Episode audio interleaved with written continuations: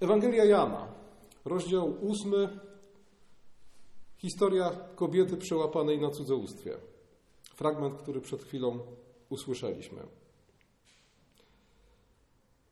Pobieżna lektura kilkunastu pierwszych wersetów Ewangelii Jana ósmego rozdziału może prowadzić i niestety zwykle prowadzi do następujących wniosków.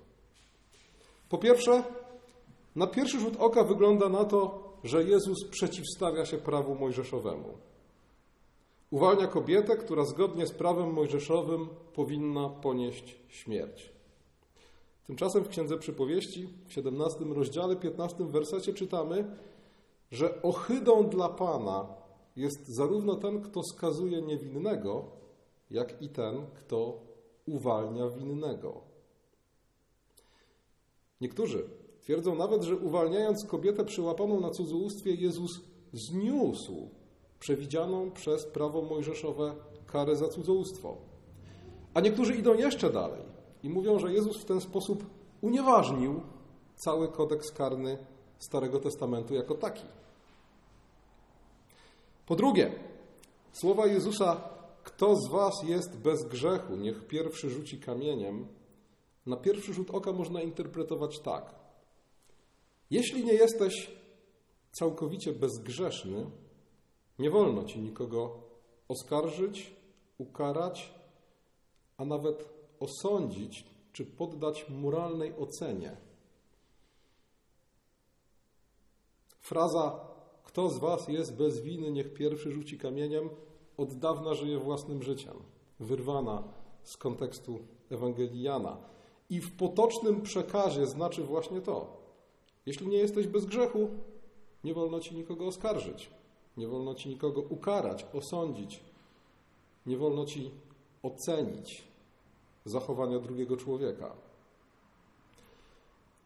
Taka interpretacja ósmego rozdziału Ewangelii Jana wychodzi naprzeciw oczekiwaniom i przekonaniom współczesnego człowieka. Taka interpretacja cieszy współczesnego człowieka, bo co ona oznacza? Ona oznacza, że mogę popełnić jakikolwiek grzech. A jedyna przykrość, jaka mnie spotka, to słowa Jezusa: idź i nie grzesz więcej.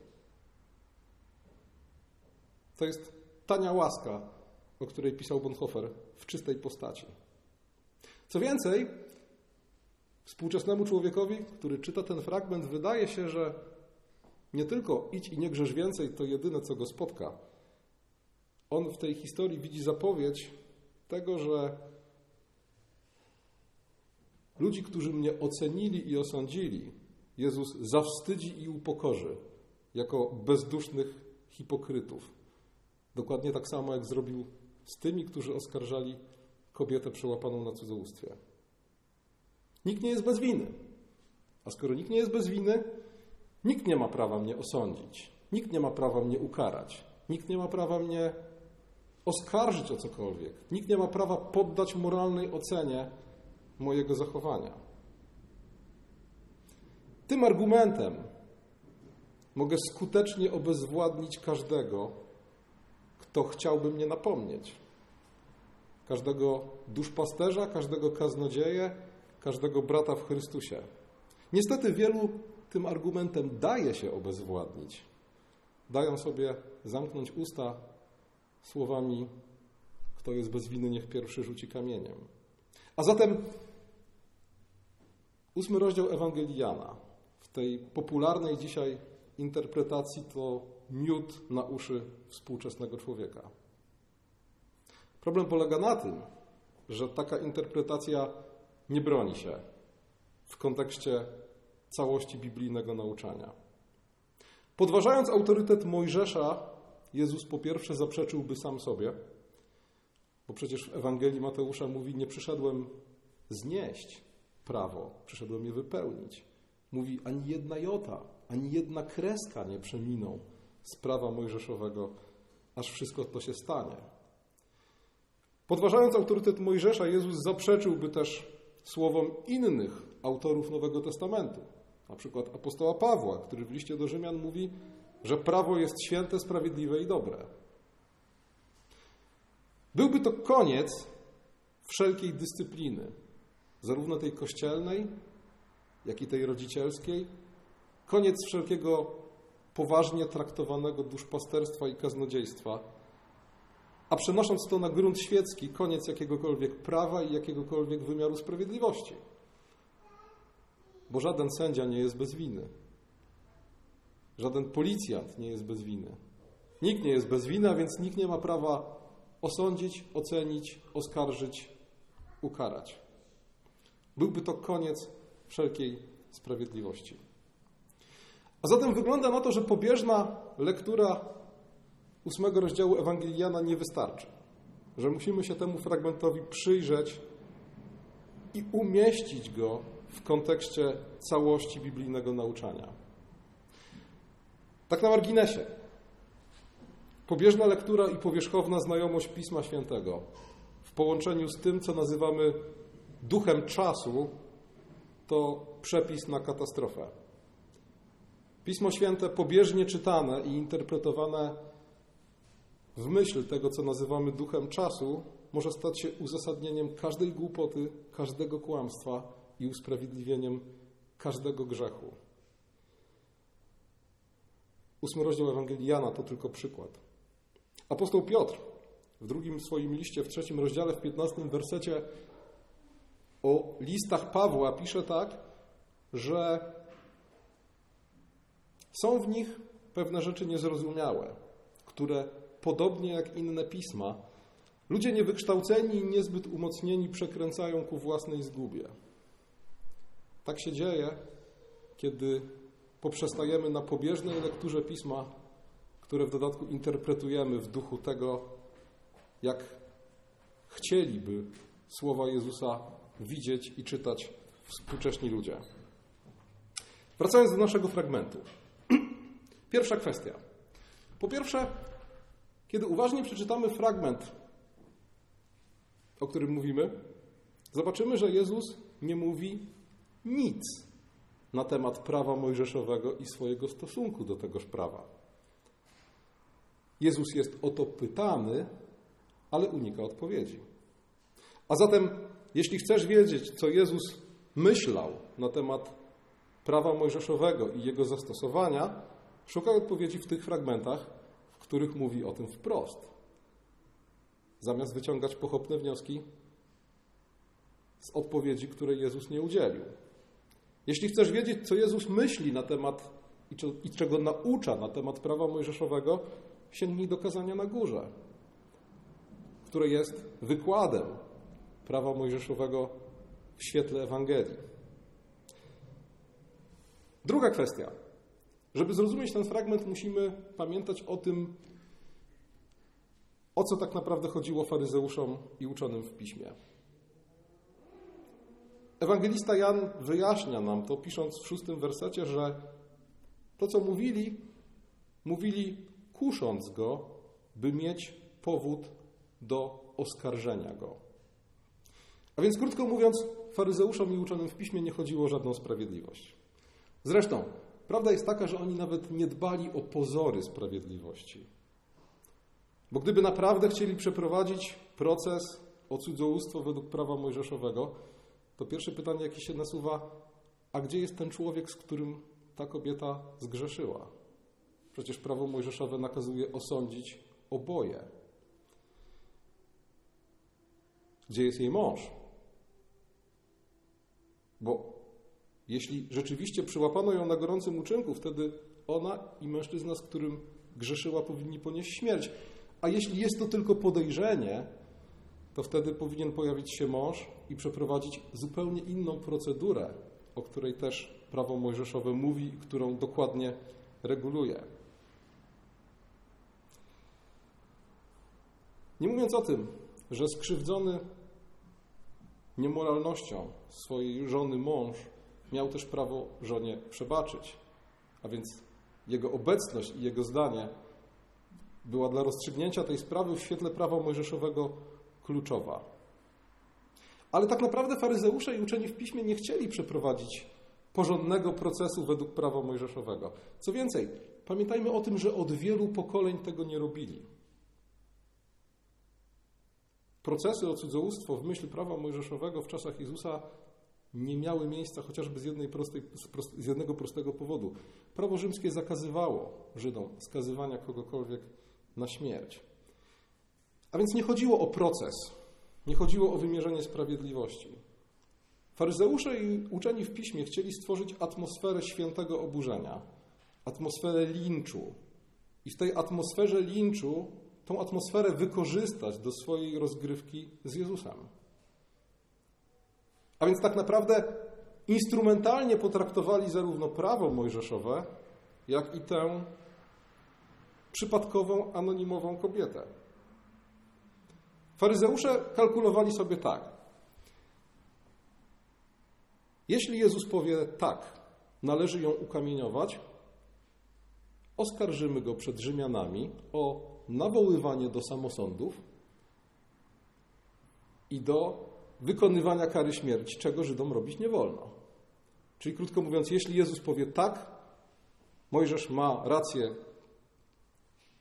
tę kobietę trzeba ukamieniować, wtedy doniesiemy Rzymianom i oni się Jezusem zajmą. A jeśli powie nie, wtedy podburzymy tłum przeciwko niemu, mówiąc: Ten człowiek sprzeciwia się Mojżeszowi.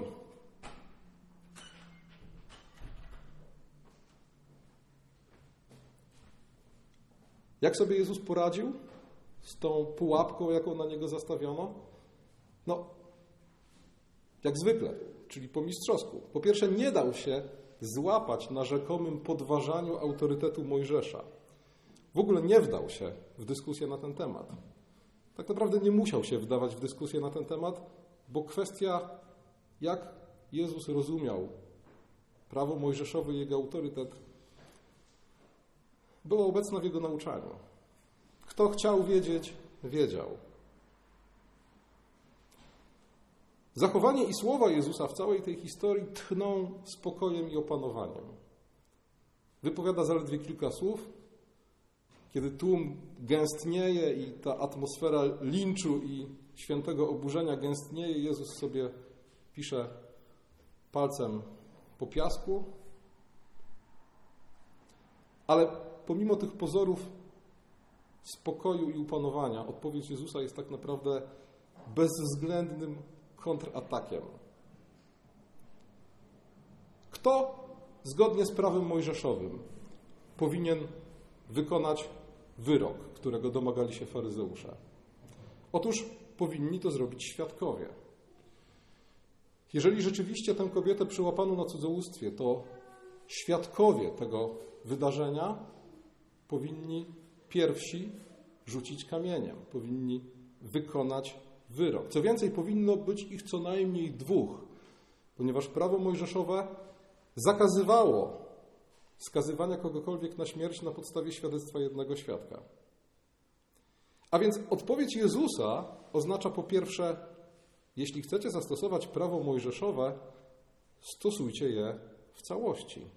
A więc wy, którzy twierdzicie, że byliście świadkami cudzołóstwa, wykonajcie wyrok.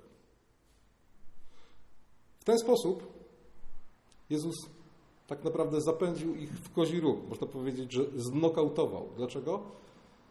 Dlatego, że postawił ich w sytuacji, w której oni chcieli go postawić. Jezus mówi: Jeśli jesteście świadkami grzechu zasługującego na śmierć, wykonajcie wyrok. I wtedy wami zajmą się Rzymianie. Wtedy wy naruszycie rzymskie prawo. Nie po mnie, a po was przyjdą rzymscy żołnierze i zamkną was do więzienia.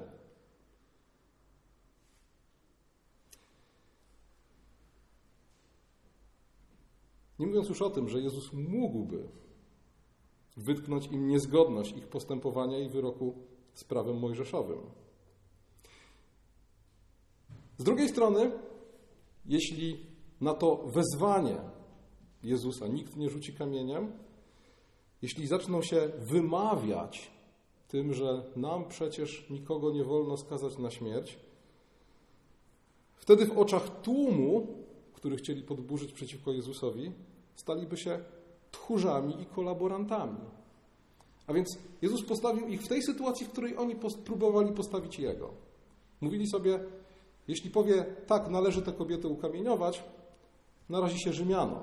Jeśli powie nie, narazi się Żydom. Odpowiedź Jezusa sprawiła, że to oni znaleźli się w tej sytuacji.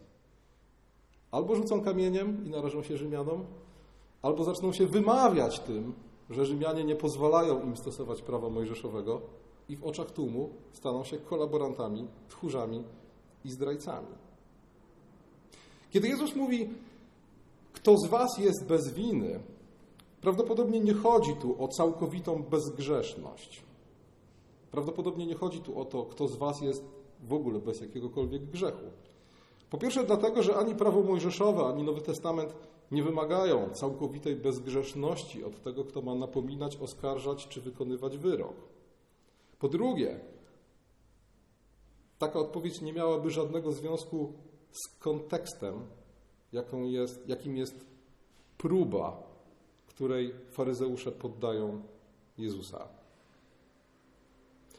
Kto z Was jest bez winy?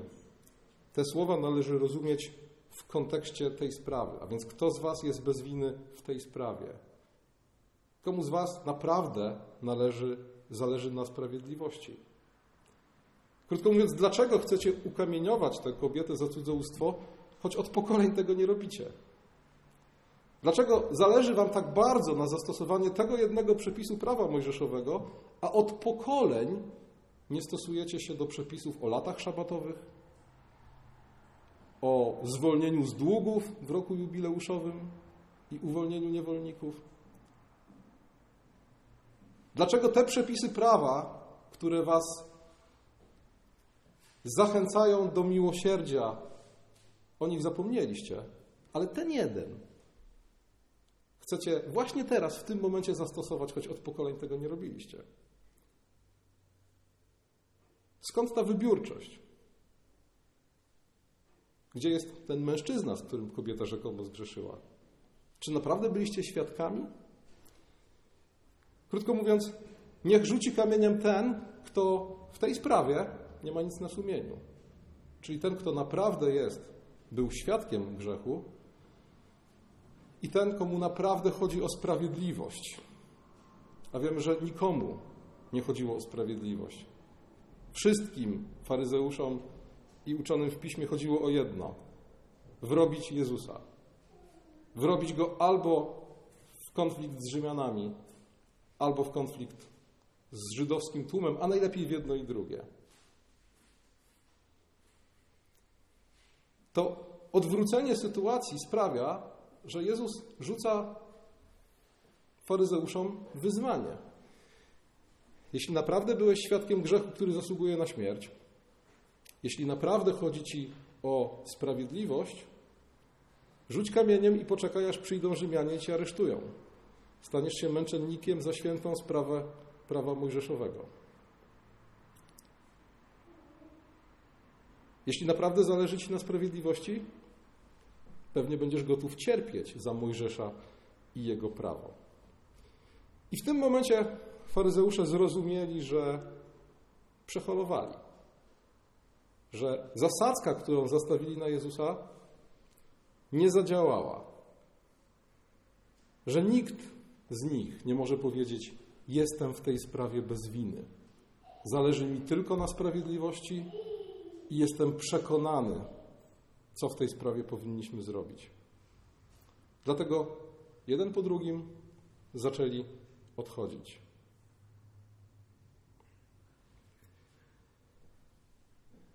A co zrobił Jezus?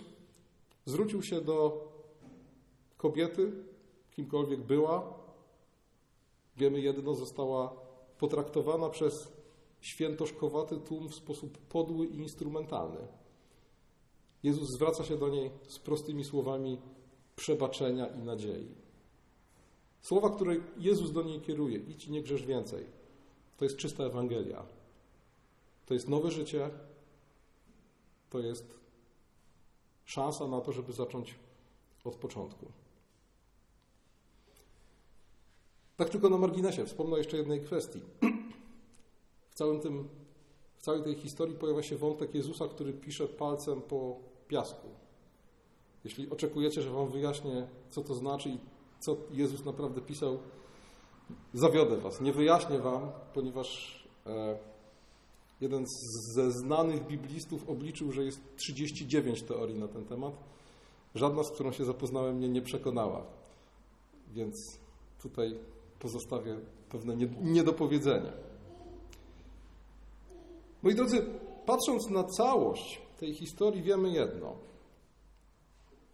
To nie jest fragment o tym, jaki Jezus miał stosunek do prawa mojżeszowego. To nawet w pewnym sensie nie jest. To nie jest fragment o tej kobiecie. Ta historia to kolejna odsłona wojny, którą faryzeusze i uczeni w piśmie prowadzą przeciwko Jezusowi. Co tak naprawdę bolało faryzeuszy i uczonych w piśmie? Dlaczego zastawiali na Jezusa kolejną pułapkę? Tak naprawdę sami się zdradzają. Zwróćcie uwagę na to, co mówią, kiedy przyprowadzają tę rzekomo przyłapaną na cudzołóstwie kobietę. Mówią: Mojżesz kazał nam takie kamieniować. A ty co mówisz? Nie wiem, czy już kojarzycie, z czym ten sposób postawienia sprawy powinien Wam się skojarzyć? Z kazaniem na górze. Bo w kazaniu na górze Jezus naucza właśnie w ten sposób. Słyszeliście, że powiedziano: Nie będziesz cudzołożył, a ja Wam powiadam. Słyszeliście, że powiedziano: Oko za oko, ząb za ząb, a ja Wam powiadam. To był sposób, w jaki Jezus nauczał. Jezus był znany z tego sposobu nauczania i ten sposób nauczania wywoływał zdziwienie. Kiedy ludzie go słuchali, mówili: O, ten człowiek nie mówi jak inni rabini, tylko jak ktoś, kto ma autorytet i moc. Dlaczego? Bo żaden rabin nie mówił, Mojżesz mówił tak, a ja powiadam w ten sposób. Przeciętny rabin żeby uzasadnić jakąkolwiek swoją wypowiedź, powoływał się na czterech, pięciu swoich poprzedników. Odwoływał się do ludzkiego autorytetu. Jezus, który mówił: Słyszeliście, że powiedziano oko za oko, ząb za ząb, a ja wam powiadam, miłujcie swoich nieprzyjaciół, nauczał zupełnie inaczej, z mocą i autorytetem. I tak naprawdę w ten sposób pokazywał, kim jest. On ma prawo w ten sposób mówić, bo on jest zapowiadanym Mesjaszem. Więc tak naprawdę faryzeuszy i uczonych w piśmie bolało właśnie to. Bolało to, kim jest Jezus i za kogo się uważa. Bolał ich jego autorytet, bolała ich moc, z jaką naucza.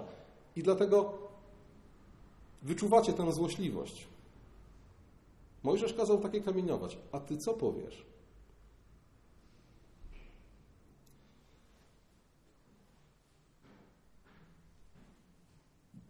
Jeśli przeczytacie ósmy rozdział Ewangelii Jana w kontekście szerszym, to zobaczycie, że tuż przed historią o kobiecie przyłapanej na cudzołóstwie mowa jest o tym, jak to faryzeusze chcieli pojmać Jezusa, ale słudzy wysłani w tym celu wrócili i tłumaczyli się, że nie byli w stanie tego zrobić, bo ten człowiek ma moc i autorytet, jakiej nie ma nikt inny. W tym samym momencie faryzeuszom, swoim towarzyszom próbuje przeciwstawić się Nikodem i mówi: Hej, czy nasze prawo pozwala kogokolwiek osądzić, zanim się go wysłucha? Więc co zrobili? Towarzysze z Nikodemem zrugali go za to, że w ogóle podważa ich działania. A więc widać było już przed tą historią o kobiecie przyłapanej na cudzołóstwie, że faryzeuszom nie chodzi o żadną sprawiedliwość, chodzi o to, żeby Jezusa przyłapać i osądzić. Z kolei w drugiej części rozdziału 8 Ewangeliana mamy, czytamy o bardzo ostrym sporze, jaki wywiązał się pomiędzy Jezusem a faryzeuszami, gdzie Jezus mówi do nich: Nie wmawiajcie sobie, że jesteście dziećmi Abrahama, bo nie macie wiary Abrahama. Waszym ojcem jest diabeł. I historia o kobiecie przyłapanej na cudzołóstwie wpisuje się w ten kontekst właśnie. W kontekst walki, kontekst wojny, jaką faryzeusze i uczeni w piśmie prowadzą przeciwko Jezusowi. Przeciwko temu, kim jest i co przynosi. A zatem tak naprawdę historia o kobiecie przełapanej na cudzołóstwie jest po prostu kolejnym epizodem, w którym Jezus objawia swoją moc i swój autorytet i bezlitośnie obnaża, kim są ci, którzy dołki pod nim kopią. Przesłanie tego fragmentu brzmi tak. Jezus jest tym, za kogo się podaje i jest godzien wiary i czci w przeciwieństwie do tych, którzy próbują mu autorytetu odmawiać. Ale oczywiście z całej tej historii o kobiecie przyłapanej na cudzołóstwie możemy inne też wnioski i inne pouczenia wyciągnąć.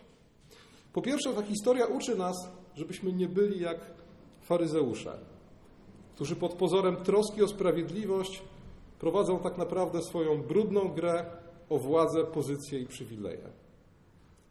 To jest przestroga, żebyśmy nie stali się jak ludzie, którzy instrumentalnie traktują prawo, nie bacząc na to, że tak naprawdę łamią je, naginają i niszczą jego autorytet. Nie bądźmy jak faryzeusze, którzy instrumentalnie traktują ludzi, tak jak potraktowali tę kobietę. Im nie chodziło ani o jej nawrócenie, ani o jej sprawiedliwe ukaranie. Ona była nieistotna tak naprawdę. Była instrumentem, za pomocą którego chcieli zrobić krzywdę Jezusowi. Nie bądźmy tacy. Nigdy nie traktujmy instrumentalnie prawa, sprawiedliwości, Słowa Bożego. Nigdy nie traktujmy instrumentalnie drugiego człowieka. Moje skojarzenia z tą historią. Moi drodzy, bardzo często dzisiaj, zwłaszcza w sferze tej wojny ideologiczno-politycznej, która się toczy, bardzo często spotykamy ludzi, którzy traktują tak instrumentalnie innych ludzi. Zwolennicy aborcji w Stanach Zjednoczonych bardzo instrumentalnie potraktowali kilka bardzo przykrych przypadków, takich jak zgwałcone nastolatki. Dlaczego? Bo instrumentalnie potraktowany tego typu przypadek rodzi pewne emocje i pozwala za parawanem tych emocji przemycić aborcję na żądanie. Łzawe historie dzieci z zaburzeniami tożsamości seksualnej są dokładnie tak samo instrumentalnie traktowane jako parawan, za którym przeprowadza się bardzo konkretną polityczną agendę. Dlatego drugi wniosek z tej historii jest taki: nie bądźmy jak faryzeusze, ale też nie dajmy się faryzeuszom.